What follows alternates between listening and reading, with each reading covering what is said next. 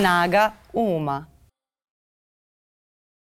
Dobar dan, dragi ljudi, ja sam Miljana, dobrodošli u podcast Snaga Uma, gde iz ponedjeljaka u ponedjeljak imam privilegiju, zaista, e, da razgovaram sa ljudima koji su nešto o životu naučili e, i da učim ja od njih. A danas imam to zaista veliko zadovoljstvo da ugostim e, pevačicu Tijenu Bogićević i da sa njom razgovaram o onome što smo nas dve zajedno definisale kao jedan emotivan odnos koji neki ljudi imaju prema karijeri i prema putu koji su odabrali i koji je to, koja je to priča i koliko je to zapravo nekad veće od onoga što zovemo ambicija i od onoga što zovemo potreba za uspehom, zapravo ta neka ljubav e, prema poslu koja nas i vodi u pravcu istrajnosti i svega. E, Tijana, dobro mi došla. Hvala ti puno i što si me pozvala, bolje te našla. E, ja sam ovako možda malo zbrda s dola ovu temu navela jer je zaista reč o možda jednom specifičnom fenomenu koji ne pogodi sve ljude podjednako, ali da, zaista neki od nas e, imamo taj moment da malte ne od detinjstva uh, da li osetimo šta je ono što želimo da radimo i onda imamo neku da. svoju priču u glavi. Je li tako bilo kod tebe? Uh, pa da. Uh, ja bukvalno ne znam. Od kad znam za sebe uh, hoću da budem isključivo pevačica. Kažem pevačica, iako je to nekako kao devalvirano zanimanje i kod nas često zna da kao, pa dobro, kako da te potpišemo, pa kako da te najavimo. Kažem, ali ja sam pevačica. Mislim, muzičar vokalni solista, ali kao da, pevačica i ja nekako baš branim svoju profesiju. Od uvek sam to želela da budem. A kako si bila devojčica? Mislim, mnoge devojčice žele da budu pevačice. kako se to... Ja sam, ja sam htjela da budem novinarka. Mada Dobre. sam imala fazi kad sam htjela da budem pevačica. Naravno, tako? koji svaka devojčica, da. Da sam pevala po kući kao nenormalna. A, kako je to kod tebe izgledalo? Ja nisam znala mnogo devojčica koje hoće da budu pevačice. Uglavnom je to da hoće da bude učiteljica ili uh, kasirka, imali smo one kasice, pa kao hoću budem kasirka. ili medicinska sestra ili tako nešto. Ovaj, mada možda i šta su im mame, pa onda uglavnom ugledaju se pa hoće da budu ono što su ovaj, roditelji. Um, ja se sećam, mama, mama je meni pričala kako sam ja u principu znala da pevam pesmice tako sa dve godine, na godinu i po dve, znala Leptiriću Šareniću, na primjer, sve tri strofe i onda kada prestaneš da pevaš, ti opet ne znaš da pričaš. Kaže, to je bilo jako, ja sam se, kaže, plašila od tebe. Ti sedneš mi u krilo i pevaš tečno sve tri strofe pesmice, a onda opet nešto lju, lju, lju, ono bebeće pe, pričaš uh, kada treba nešto da razgovaramo. Kaže, to je bilo onako... Ti si prvo naučila da hmm, da pevaš pa tek onda da pričaš. Prvo da pevam pa tek da pričam. Da, ne znam, to su neke stvari koje eto, ovaj, ali stvarno nikad ništa drugo. Nikad. A kako je to posle izgledalo kasnije, kako si rasla? Slušala sam te u jednom intervju da si, re, da si rekla kako si pisala dnevnik i to mi je bilo predivno. Tako sam i dobila ideju za ovu, za ovu temu jer sam se potpuno prepoznala. Ja sam kao mala pravila da. novine u nekim registratorima, Aha. isto to radila, pa me živo zanima prosto kako, kako se to prepoznavanje između tebe i muzike dešavalo i razvijalo tokom, tokom godina.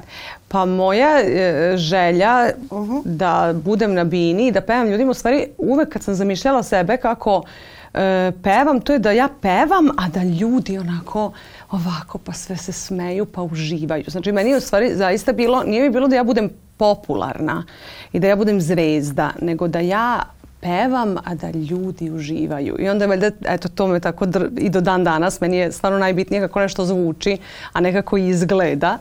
I, ovaj, e, i sećam se da sam, eto, pisala upravo taj dnevnik, tu sam možda imala osam godina, jer, ok, to je normalno, u priredbe neke u školi, e, prepoznaju talenat vaš, pa onda kao dete, ajde, vokalna grupa. Sećam se, imali smo baš onako u osnovnoj školi super jednu uh, nastavnicu muzičkog koja je im organizovala i vokalnu grupu, najtalentovanija deca, pa onda solisti u toj vokalnoj grupi, pa smo imali priredbe sa temama, filmska muzika, pa starogradska muzika, pa i onda tako imamo godišnje ovaj, te priredbe gde se pokažemo i sećam se da je na toj jednoj priredbi ja sam pevala iz filma Kosa, Let the Sunshine.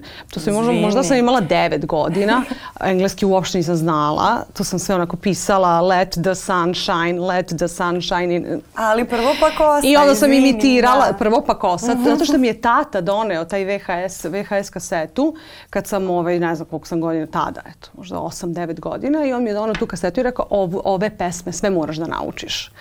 Zato što on obožavao rock and roll i onda je negde sam, to je bio moj uticaj, stvarno sam ovaj, volela sve te pesme.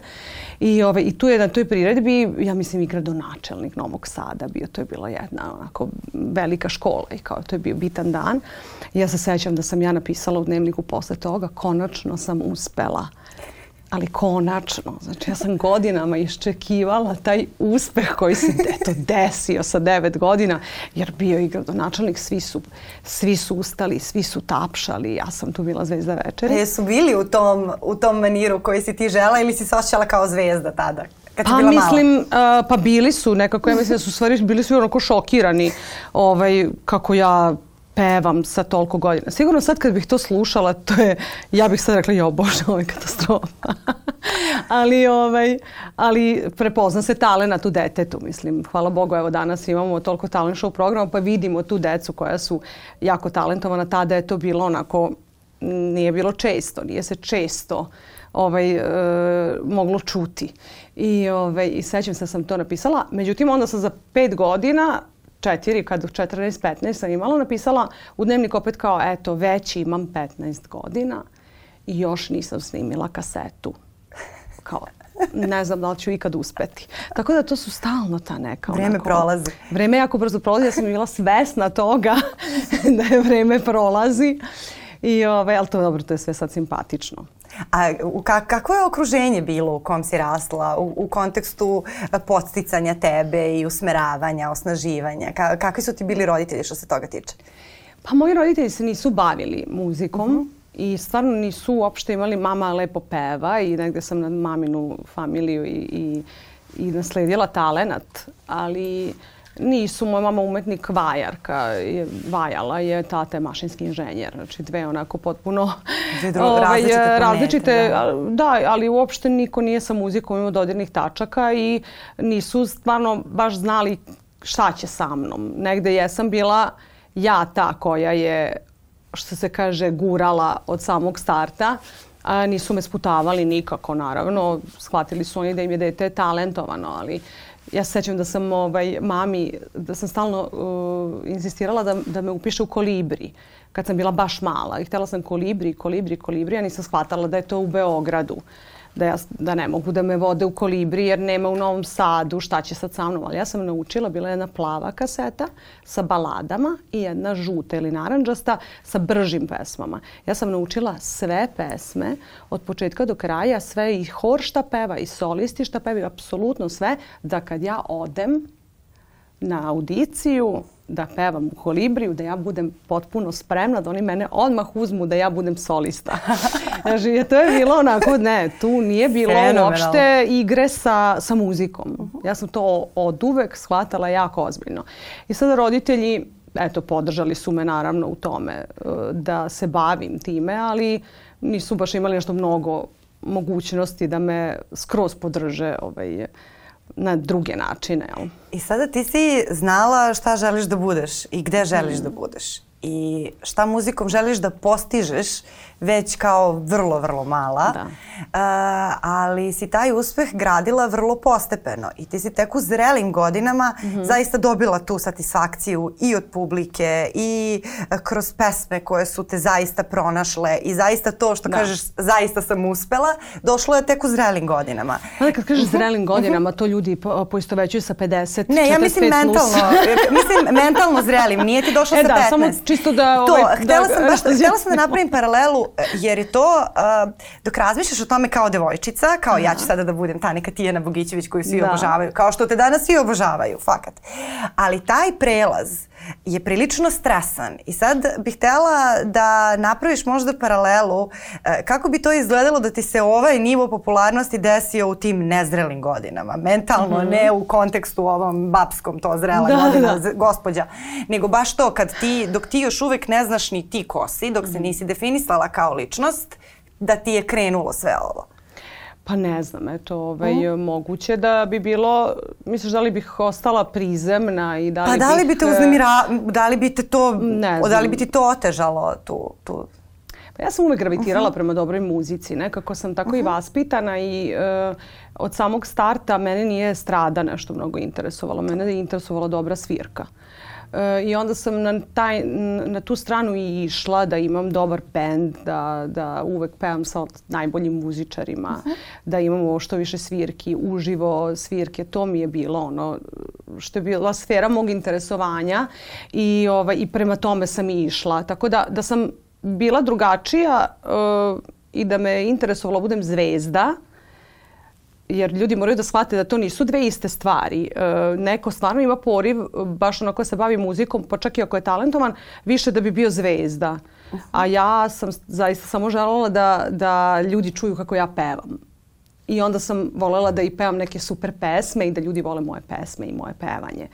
I ovaj, naravno da onda to povlači za sobom i to da možda eto, i budete zvezda jednog dana, ali nije, e, nije cilj osnovni biti zvezda ili motiv. Da, da. Ovaj, tako sam ja gravitirala prema toj nekoj drugoj e, muzičarskoj priči, e, pa onda sad, eto, s obzirom na to, možda ne bi me sad ne znam kako poremetilo, ali definitivno da je drugačije kada ste yes. vi zreli i kada znate i ko ste i šta ste i da je sve prolazno i uspeh i neuspeh i uh, usponi padovi to stalno ide gore dole u životu. I onda kada ste svesni toga ne, ne oduševite se možda sami sobom Pa i da, ja sam baš razmišljala često baš zbog tih sada talent programa. Mm -hmm. uh, jer u redu čak i ako i uzmemo ti činjenicu da su neka deca zaista rođena malte ne prvo mhm. propevaju pa progovore i da je to sve u redu, ja stalno razmišljam o tome koja je, koja je to količina pritiska da ti u tim godinama nezrelim dok se formiraš kao ličnost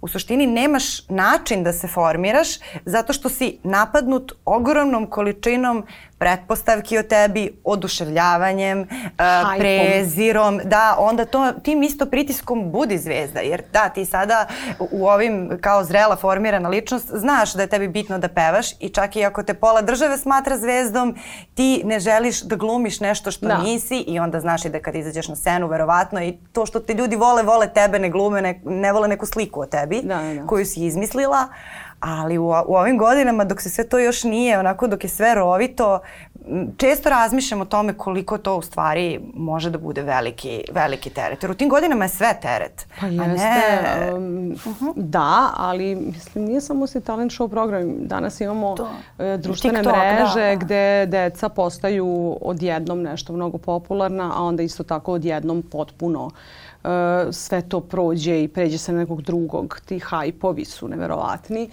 Tako da to je baš onako posebna tema gde zaista da. istina je da se da, da je teško to eto, ishendlovati možda u tim godinama, ali šta znam, što se tiče talent show programa, to je sve samo jedna uh, stepenica, jedna stanica to bih ja nekako možda tako negde objasnila i deci i mladima, pa čak i ljudima koji su stariji pa se prijavljuju na talent show programe. To je sve samo je, nešto što može dodatno da ti pomogne da ga iskoristiš. Ta prilika da budeš, na primjer, na televiziji stalno u određenom vremenskom periodu. A posle opet na tebi da se time baviš. Kao što je evo, i, Eurovizija je ne, jedan projekat koji odradiš u životu. To nije nešto što te odredi uh, potpuno. Možeš ti da budeš ili pobednik ili kao ja, na primjer, da ne uđeš u finale, ali opet to je samo jedna stvar koju si u životu radio. Nije to najveće ikada i posle toga ništa. Svaki sledeći projekat, svaki sledeći koncert, svaki sledeći album ili bilo šta što radiš u svojoj karijeri je najbitnije. E, tako da i talent show to je samo moment u vremenu. Idemo dalje posle toga. Neće se ništa epohalno desiti. Kako si stabilna ličnost. ne, stvarno, pa ne, ovo uopšte nisam rekla olako, zaista, to se baš vidi. Mislim, to mi je ne... terapeut rekao da nemam nikakve, kako se to kaže, šablone Da, da, šabloni. da. Kaže, ne, pa nemaš nemaš šablone. teze te uopšte, ne, ali to je toliko dobro. To je baš, uh, mislim, mnogo mi je prijatno što da. razgovaram s tobom i mnogo, mnogo ti hvala. Hvala ti. Na ovome, to sam baš, uh, prosto htela sam to da istaknem jer uh, mo, ne znam koliko se to sada, doduše moguće da i sada postoji ta tendencija to kad kažeš zvezda, pa ona mora da ima neku devijaciju, malo te ne, mm. kao moraš imati tu neku... Ego, moraš ego imati trip. neki problem, da, kao moraš imati neki problem Da. da, bi se razlikovala i da bi se ljudi identifikovali a, i, i koliko je onda dobro kada, kada postoje ljudi koji ne stoje na svojim problemima, nego stoje baš onako samo na svom radu i ti tu nisi jedina, to je baš Da. zdrava jedna poruka prosto. Ja sam nekako ovaj, shvatila i razumem šta hoćeš da kažeš Mhm. jer istina je da najveće zvezde su nekako mislim koje smo svi mi upoznali ili možda i nismo ali vidimo i u Istina. Hollywoodu i u Istina. svetu A vidiš da su to naše, ma- mhm. pa da vidiš da su to onako do, dosta često neki onako ego tripovi vrlo zabrinjavajući ali to je isto ok donekle ne ok, nego ima i tu dosta odbromenu mehanizma jer ja, moj nivo popularnosti je prijatan. Ja nisam neko za kim se trči na ulici, vrišti. Um, imam koncerte koji su fenomenalni i gde ljudi dođu, kupe kartu i pevaju sve pesme sa mnom zajedno, posle se mi slikamo, šalju mi poruke, sve to pred, predivno, ali ja opet sutradan ustanem, očešljam se, malo se našminkam, odem u um, neki novosadski lokal da nešto pojedem i popijem. Ja ne mislim da me svi gledaju i svaki zalogaj mi broje nego imam neku onako potpuno, no, imam normalan život. Tako da ja ne mogu baš sada da pričam u ime ljudi za, za kojima neko vrišti. Ja sam bila e, svedok e, toga kakva je, na primjer, Vlado Georgijev bio velik, ogromna zvezda 2001. godine. Da. Kad sam sa njim počela da pevam i kada se on tek pojavio. To je bilo zaista onako, ja mislim da je to ono poslednja naša velika zvezda koja se kao pojavila posle ovih što ih već imamo, kao što su ustaljene. Da, jeste On to. je nekako bio, to je bila histerija. Možda sada tako se dešava s ovim tiktokerima ili ovim youtuberima. Uh, samo što to dosta onako na klimavim nogama, nije neki uh, temelj jak za možda takavu histeriju, ali ok, postoji. I onda razumem da ljudi možda sagrade neki odbrambeni mehanizam gde uh, budu onako malo distancirani, budu malo onako, ovaj, e, ne možeš im prići tako lako i čini se da imaju neki ego trip, možda ga i nemaju sa svojim bližnjima, ali ovaj, jako je zeznuto kada vam svi povlađuju. Kada vam svi su da, da, da, da, ti si najbolja, ti si najlepša, ti si najbolja pevačica, kakva si ti kraljica, kako si smešna, duhovita, kakva si ti, joj, što ti je to lepo, vidi što ti je ovo lepo. Prosto ceo dan slušaš kako si najbolji. I to mora negde da ti, ovaj, da ti ostane i onda ti sagradiš taj neki ovaj, verovatno mehanizam gde si ti sad ti poveruješ možda i da si stvarno najbolji. Tako da ne bih da ih osuđujem Da. e, bilo koga ko je popularniji od mene A i to je i doživljava. pritisak zato što onda kad se ne osjećaš kao da si najbolji, imaš osjećaj da si izneverio ceo svet i imaš taj jedan disbalans ogroman između onoga što ti realnost govori i što ti kao realnost vidiš. Pa zato što je- I to je onda jako veliki problem, da. Pa mislim da se ljudi poistovete sa svojim profesijama na neki način. I onda uh, ja sam Tijana Bogićević, uh, pevačica, moji hitovi, znate vi moje pesme, hajde mi ništa. I sad koga bi ja sad išla ulicom i pevala, hajde onda ništa. Mislim, Jo, kako bi to bilo divno. Eto, to bi bilo divno. Ljudi bi možda, i onda kao sad sam ja ta, a ja sam većinu vremena Tijana Bugićević potpuno neka o, normalna osoba, a ne pevačica. Meni se čak i čude, kaže ti ne slušaš muziku uopšte u kolima, ti uopšte ne slušaš muziku, ti ne pevaš uopšte po kući, pa šta sad ja trebam da idem non stop da pevam? Postoje razni aspekti moje ličnosti, nisam samo pevačica. Da. Ali kada shvatiš da i da nema pevanja i da sve ovo, što, kao što sam malo pre rekla, sve je prolazno, sve je usponi i padovi i da nema ničega. I da sada više nema, nemam ni jedan hit. I da niko ne dolazi na koncerte. Pa ja sam i dalje vredna kao ljudsko biće. Sigurno. I imam ljude koji me vole i bez svega toga. E sad, kad pronađete u sebi to zašto ste vi u stvari važni, a ne vaša profesija i vaša neka ta persona, e onda ste stabilni. Onda Da. vam ništa ne znači. Mislim, naravno da bih voljela da ide sve u, u, uzlaznom putanjom, a ne da propadne, ali, ali nećemo, bitno da ne umremo. Kažem, Da. bitno u životu samo ne umreti. Svi ćemo umreti na kraju, ali kao, eto, da se trudiš, da, lepo, da se zdravo hraniš, da vežbaš, da budeš zdrav, da što kasnije umreš, a ne što ranije. A, a da se vratimo sada na taj period 2001. kada si nastupala sa Georgijevim. Mm -hmm. e, da li si u tom periodu ti već znala koji će biti tvoj muzički senzibilitet? Ne mislim sada tu samo na pop, to, je, to si verovatno znala još kao dete, uh, nego mislim baš na ovu jednu emociju koju imaš sada i po kojoj te mi svi znamo, koja je jako tačna i precizna. Mm -hmm. Kada se kaže Tijena Bogićević, svi koji te slušaju, ja mislim, prva asocijacija će im biti baš ta jedna tvoja emocija. Isto kao što je Vlado Georgijev da. imao tu neku tačno njegovu emociju po kojoj smo znali da ga, da ga prepoznamo. Koliko ti je vremena trebalo da nađeš taj glas? Ma nije mi trebalo uopšte vremena. Ja sam pevala sa Georgijevim uh -huh. zato što sam eto, pitao me da budem u bendu i...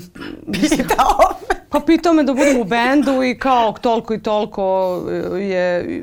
Počela sam da zarađujem pare koje su bile super od, od pevanja sa zvezdom sam, pevam svuda idemo. Kako je bila atmosfera na tim, na tim svirkama? Ma bilo je super. Mm. Ma aj, mi smo bili, ja sve te moje ovaj, drugare, kažem, sve muzičare s koji su prošli kroz, ja sam stvarno dugo tu bila, des, devet godina, skoro deset, tako da bilo je tu nekih muzičara koji su dolazili i odlazili, ali mi se svi zovemo drugari iz vojske.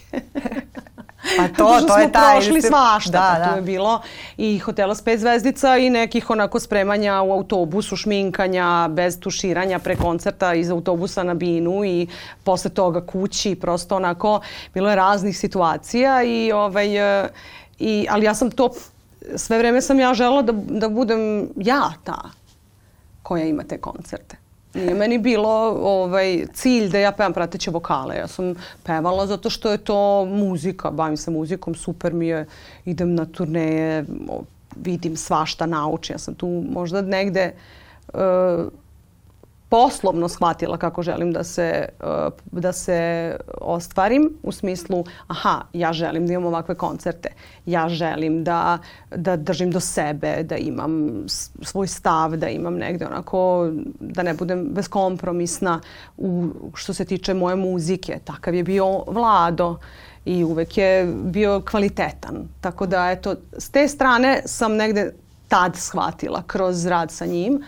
Ali sam od uvek zna, želela, ja sam obožavala Whitney Houston, na primjer, to jest i dan danas je obožavam. I meni su te pesme njene bila fantastične, tako sam ja obožavala te velike balade i te neke groovy pesme, R&B sam volela. Što se tiče muzike, baš onako kakvu želim da pevam, to je, ovaj, to sam od uvek znala.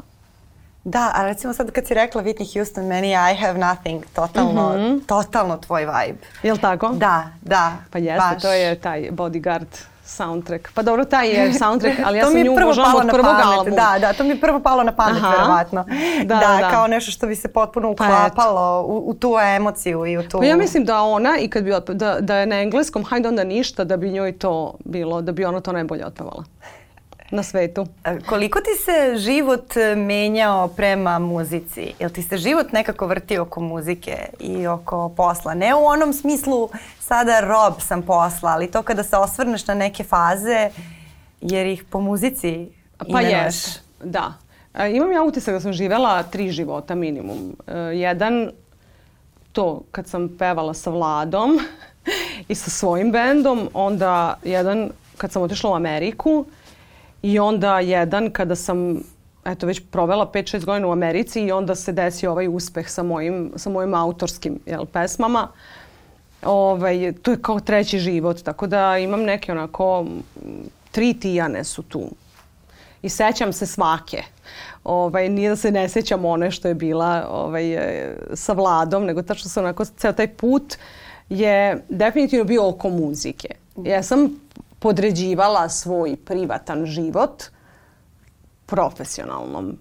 Ne mislim da je to najpametnije, to jest sada sam malo ali to ok, sad imam 40 godina, tako da normalno je da su, mi, da, da su prioriteti nekako drugačiji, ali ok, definitivno sve što se desilo i kako je prošlo moralo je. Duži mi je bio put ka uspehu nego što je možda nekom drugom, pa onda sam duže morala da, da podređujem sve samo tome.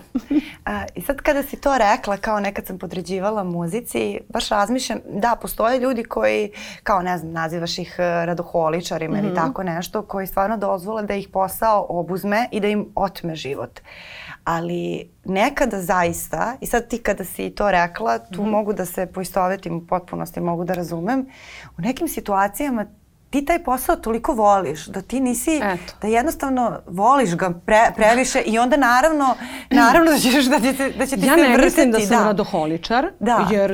Um, deš, jer volim sebi da ugodim i da negde napravim neki balans. Nisam radoholičar, iako jesam negde perfekcionista donekle, volim da to sve stvarno bude, ako nešto uradim, uradit ću kako treba e, na primjer, nikad ne ispaljujem žar, žarkonski rečeno ljude, saradnike, sve što se dogovorimo tako će da bude. E, nema tu nikakvih, nikakve bojazni, nisam nestalna osoba, ali nisam sad i radoholičar.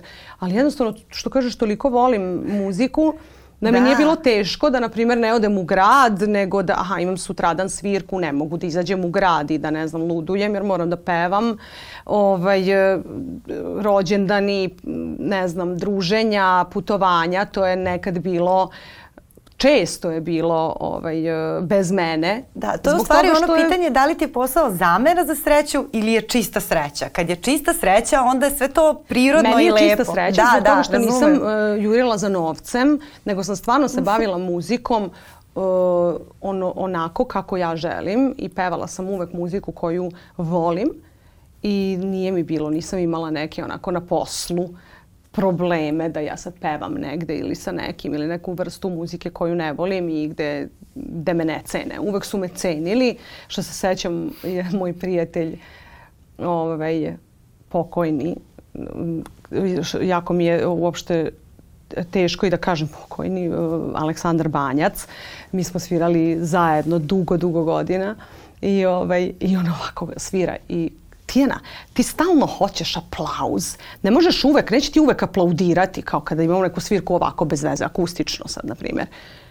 I kao Tijena uvek hoće aplauz. I sad ovi meni kao da je tu sve nešto loše. Ja kažem, neću ja aplauz. Ja hoću ovacije. Ne apla aplauz mi ne treba. Hoću standing ovations. I onda se oni smeju kao ja, ti si stvarno neko, e to će i da bude. Biće ova ili ovacije ili ništa. I oni kao se smeju, ali eto, ovaj, e, se sećaš prvih standing jeste. ovacija? Pa bilo je to na prvim koncertima, uh -huh. da. Ali sada je nešto potpuno, ne znam kako da ti objasnim, sada posle, prvi koncerti su bili super i kad sam snimila prvi album i kad je to sve zaživelo onako, uh, ja sam već posle pet meseci napravila solistički koncert u Novom Sadu. Pa posle manje od godinu dana od prvog albuma sam napravila u Kombank dvorani u, u Beogradu koja je bila puna. To je bio šok jer ljudi to nisu očekivali ni od mene, nisu mislili da imam hrabrosti to da organizujem. Ja sam bila kako god. Ako se ne prodaju karte, ne znam, ja ću to nekako da pokrijem troškove tog koncerta, iako su troškovi ogromni, ali, ovaj, ali su se prodale i prosto sam onako tada doživjela prvi put da neko zbog mene dođe, zbog mojih pesama, ne obrada koje sam pevala do tada s bendom, nego da budu kao standing ovations ovaj, tebi kao meni takvoj. lično. Da, tebi, tebi. Da, kao ovaj, nekome ko peva pesme koje oni obožavaju. I ovaj, ali sada na ovim koncertima poslednjim, to jest ove godine, kako je to krenulo, ovo u Novom, Novom Sadu što je bilo, prosto to je nešto, ne znam, ja mislim da stvarno, evo sada ljudi koji ovo gledaju, možda će me drugačije malo sad upoznati jer ima dosta predrasuda kad sam ja u pitanju da, da je to, da sam onako neka blaga ličnost, mirna, e, pevam balade, po ceo dan pevušim i, i da je to moja suština. A u stvari sam ja potpuno ono kao rock and roll. Tako da su i ti koncerti uh, pod nekim onako nabojem energije i publika je, ne znam, publika je neka, da li su se zaželeli ljudi dobre muzike i dobrih koncerata i, I ne znam. Te, da. I te neke emocije, ali stvarno se tu stvori neka sinergija. To je potpuno sinergija. Ta dva sata i više, dva i po je bio sada koncert u Novom Sadu, je onako, ne, mi smo onako, to samo ovako energija struji e, kroz salu. Tako da ovaj, e, tu su bile onako, što se kaže, ovacije tokom, ne samo na bis ili na kraju, nego tokom pesama da sam morala smirujem publiku. Mislim, malo mi je sad kao smešno da to kažem, ali tako je bilo. pa predivno.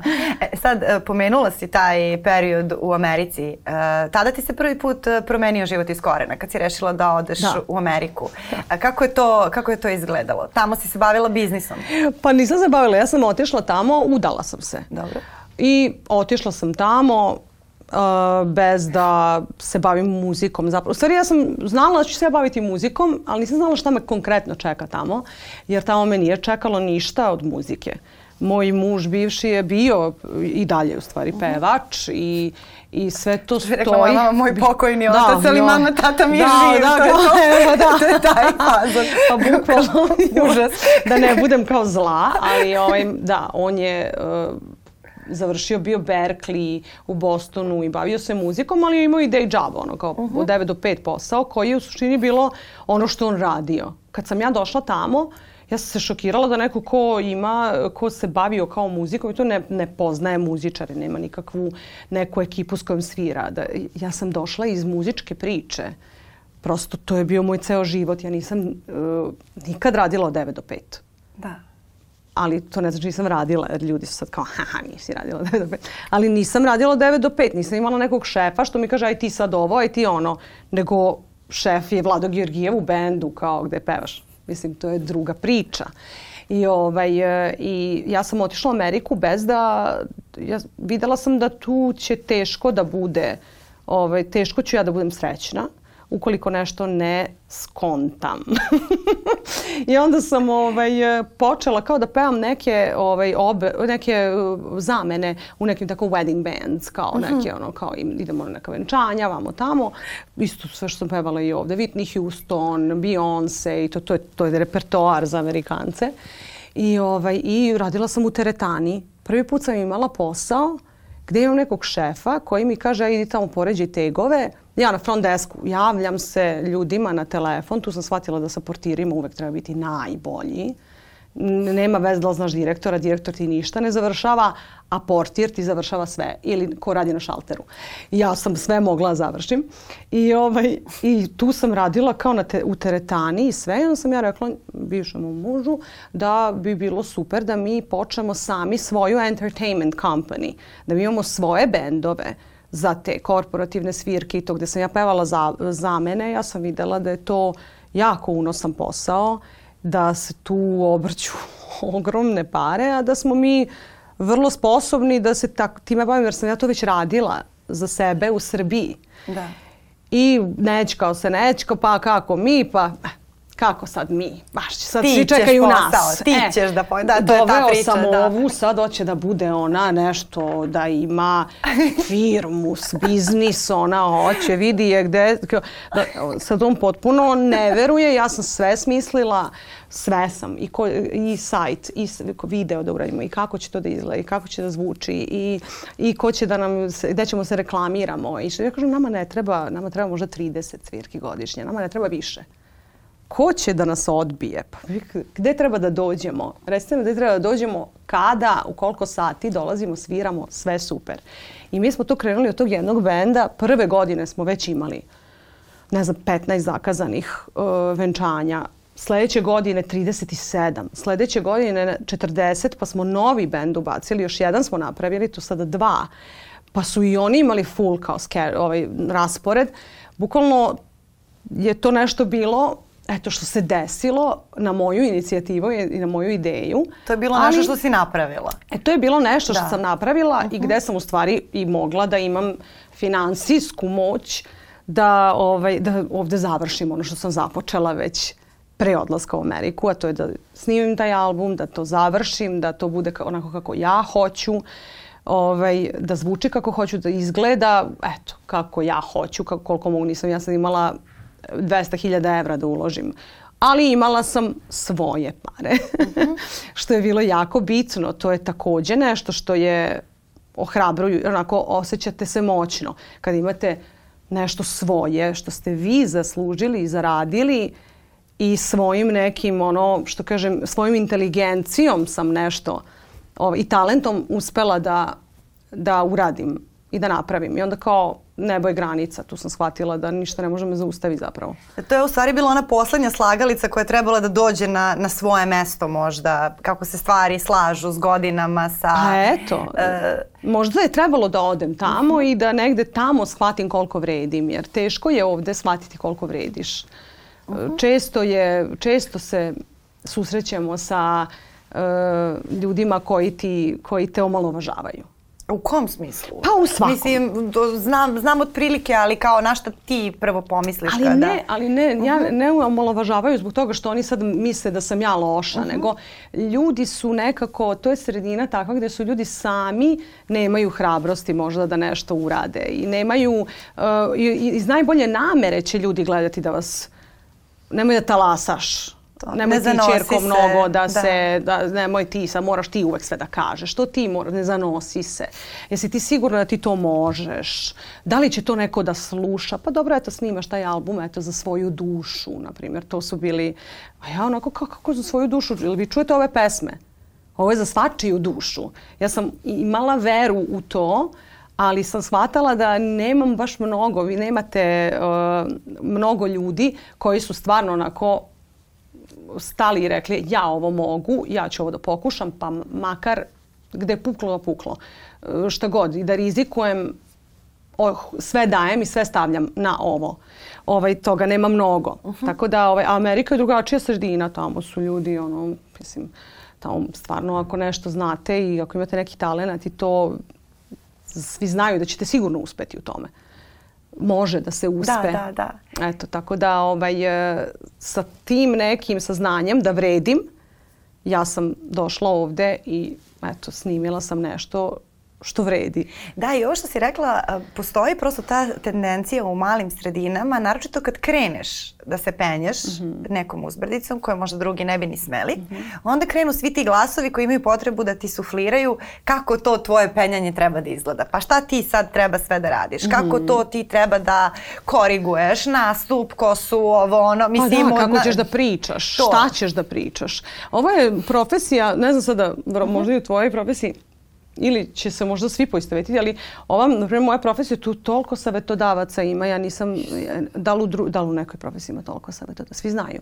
tačno šta je najbolje ti. A pogotovo sada, kada sam, na primjer, već uradila nešto sa prvim albumom, tada, pa to svi, e, znaš šta bi sad ti trebalo da E, sad ti treba, ne, sad, sad slušaj. Sada ti treba ovako. Kažem, pa kako sad da ti znaš bolje šta ja sad treba?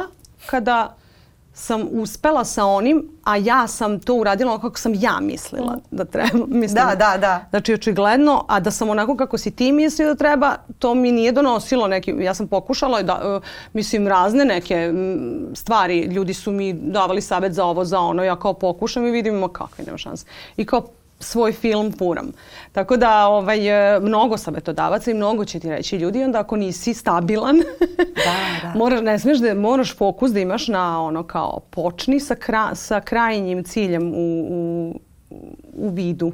I ta, ta Amerika uh, ti je verovatno dala tu sigurnost jer ima nečeg strašno oslobađajućeg. Uh, kad dobiješ tu, kad uspeš da ostvariš tu finansijsku mm -hmm. stabilnost da. uh, na nekom polju koje nije ovo tvoje. Znači ti tu finansijsku stabilnost nisi postigla tako što si pevala kao fin, o, o, da. prateći vokal ili nešto, da. ili nešto drugo ili nastupala na način na koji ti ne voliš da nastupaš. Da. Dakle nisi morala da, da se prilagođavaš u, u kontekstu tom i onda baš znaš, ok, ja ovo mogu, to mi je neka moja sigurnosna mreža, kao kad one mm. skaču po trapezu i sad ili tako kako ja hoću ili nikako. Da. Sad, sad nema, kao ne, ne može ni mrvu manje. Pa jeste, ovaj, mm. ja ne želim da mistifikujem uopšte mm. ništa što se tiče mene. Ja sam uh, imala tu sreću da, da se stvari u mom životu ovaj, eto tako od, od, odviju, da. odvijaju da. Kako, se, kako su se on, desile. Prosto jesam imala negde, nisam zavisila, mogla, imala sam vremena da sačekam ove četiri godine da postavim stvari onako kako treba da, da izgledaju, da budu i da steknem tu neku publiku koja sada voli da sluša moje pesme bez da sam morala da odmah čim sam izdala prvi album, da sam odmah morala taj vikend da idem negde da pevam, da zaradim, ne znam, 100, 200, 500, 1000 evra. Ovaj, a ne bi mogla više da sam pevala to moje, ne bi, prosto ako niste još uvek uh, napravili neko ime, vi ne možete da koštate mnogo i onda bi to me devalviralo, ne bi moglo da se uh, napravi ime ukoliko vas neko svaki vikend gleda u nekom kafiću. Tako da to je istina, ja sam da. srećna da sam eto imala ovu neku priliku u životu da ovaj, uh, ali sam je iskoristila. A i stvorila si je. E, pa stvorila sam je, jeste. Eto, stvorila sam je, da. mislim, ne znam, me isto tako neke stvari dešavaju. E, hoću kažem da verovatno ja prilike kad mi se dese ne, ne propustim ih. Nemam ništa u životu što bih rekla, eto, trebalo je ovo, a i ne koristiš pogrešne prilike. A i ne koristim, da, ne, Što je ne možda mislim... čak i veća stvar, zato što onda strašno lako čovjek se udalji od onoga što bi trebalo, jer najđe neka prilika za nešto što veze nema s tobom, pa to, u tom trenutku deluje zavisi dobro. ko su vam savjetodavci, da, bilo je savjetodavaca raznih, pa možeš ovo, pa možeš ono, ali ja sam negde, trebate verovati sebi. Ako, ako nešto što radite vas ne čini srećnim, da ste, uh, mislim, govorim pogotovo o umetnosti ako ćemo o ovom poslu. Ako vi radite nešto i nemate tu neku, da, da, da, ste, da vam je lepo, znači radite nešto pogrešno. Nije to to. Jeste. Možda je to u tom trenutku vama na izgled jedini izbor, ali ali možda i nije. Hajde vidimo da li postoji još nešto što bismo mogli, a da se ipak osjećamo malo bolje. Pa ljudi danas menjaju poslove non stop zato što se ne osjećaju više dobro. Daju otkaz više nego ikad, ja mislim. Yes. Otkaz ovde, otkaz ovde. Bitno je da negde budete usklađeni sami sa sobom, a zamislite ku umetnosti. Jeste. Za sva ta zanimanja koja se rade dušom, htela, mm -hmm. ne htela, to je strašno važno. Ta da. sposobnost da odeš kada nisi srećna može da ti da. spase život. Pa da. Jer ništa ne može da te ubije. Bukvalno da te ubije kao kad radiš posao koji voliš na pogrešan način. Čini pa jeste. Ali eto, mislim, mm. to je opet i ta, to šta nam je usađeno od malena i kako mi ovaj, to sa teme ih da počnemo baš da ulazimo duboko jer ljudi ne, ne veruju sebi Da, od malena. Od, od malena. malena. Mi smo naučeni da ne verujemo sebi, nego veruj svakom drugom. Veruj ovom, veruj ovom, veruj učiteljici, veruj profesoru, veruj mami, veruj tati, veruj babi, veruj e, društvu. E, oni ti kažu trebaš, treba ovako, treba onako. Šta će reći ljudi, šta će reći, šta će, stalno šta će reći. Ja mislim da je to negde moja crta da stvarno da li to je horoskopski znak, ne znam, ali ovaj, stvarno me onako baš, ne mogu da se setim kad me interesovalo šta neko baš misli o meni. Zato što, osim naravno najbližih, jer oni su mi negde kompas, uh -huh. ali ovaj, kad neko, na primjer, čujem, a ona je arogantna, ona je uobražena, a ja znam da nisam. I onda ja shvatim, da, da, da. aha, okej, okay, možda me oni tako vide, ali to nije istina. Prosto nekad tuđe mišljenje o nama nemaju veze s nama. Da. Vrlo često. Ali, ovaj, ali treba doći do toga, prođeš onako dosta nekih uh, preplakanih dana i noći ovaj, e, dok ne budeš kao aha čekaj nije tako ipak postoji moram svoj put ja imam svoj put moram ga ja voditi neće niko umesto mene E, je se sećaš tog, da li se sećaš tog trenutka kad si rekla, e ovo je sada ta moja karijera, ovo su te ovacije koje sam čekala? Pa znaš šta, uh, evo, sada je to bilo na ovim poslednjim koncertima. I kakav da. je osjećaj? Pa fenomenalno ne znam, uh, ne bih opet stavila uh, akcent na ovacije, iako Dobro, super su ovacije. Da. Metaforički sam te pitala, ste pitala bukvalno ne bih da, ne bih da kao bude kao sad sam ja. koji čeka aplauz. Da, ovo je svakako tek početak. Uvijek je meni tek početak. Toliko ima toga, da, ali nekako sad shvatam da, da se neka publika stvorila koja me stvarno voli i koja voli da me sluša i koja nema, koja se ne pravda nikome što voli da me sluša. Nema, kao ja volim da slušam Tinu Vujičić na njen koncert i platit ću kartu i znaću sve pesme i bit će mi super. I kao to je eto, da, i neće biti sramota. Da, pa da, apsolutno nemam nekako onako sve je tek početak. Ja znam da, ovaj, da ima toliko toga da, da mi se desi i muzički i uopšte ovako u javnom životu ovaj, e, imam toliko ambicija, ali kao što si rekla, lepo si rekla da je da nekako prevazilazi ambiciju, nije to samo ambicija, da, da. nego sebi stavljaš neke ciljeve i nikad ti snovi nisu uvek is, za, ispunjeni do kraja. Mm. Jer šta sad kao, ispuniš sve snovi, šta ćeš onda? Prosto stalno nešto novo imaš, što bi ovaj, nešto imam ja, eto, šta sledeće bih volela, koji mi je sledeći neki cilj. Pa male korake, pa će se ostvariti to nešto veliko, ali bitno je da je ova moja muzika prepoznata i da me ljudi vide kao nekog ko stvarno voli da peva. stvarno te vide kao nekog da. ko stvarno voli da peva. E, pretpostavila sam e, da, da je taj osjećaj koji si rekla, jer sad nekako kako smo govorile e, sve vreme o tom tvom putu mm. i korak po korak tog, tom sistematskom da. e, ovaj, napredovanju gde se nisu preskakali e, koraci, nego si na, naprotiv baš e, ceo put onako utvrdila kako treba, neko bi možda pomislio pa da, taj trenutak kad je ona postala opšte poznata, kada je dobila te hitove koje peva cela zemlja i koji se pevaju i šire um, od naše zemlje, to bi onda bio taj vrhunac uspeha da se ona sad osjeća mm. kao na tronu, a u stvari tebe je i ceo taj put, a i dalje te vodi ta ljubav.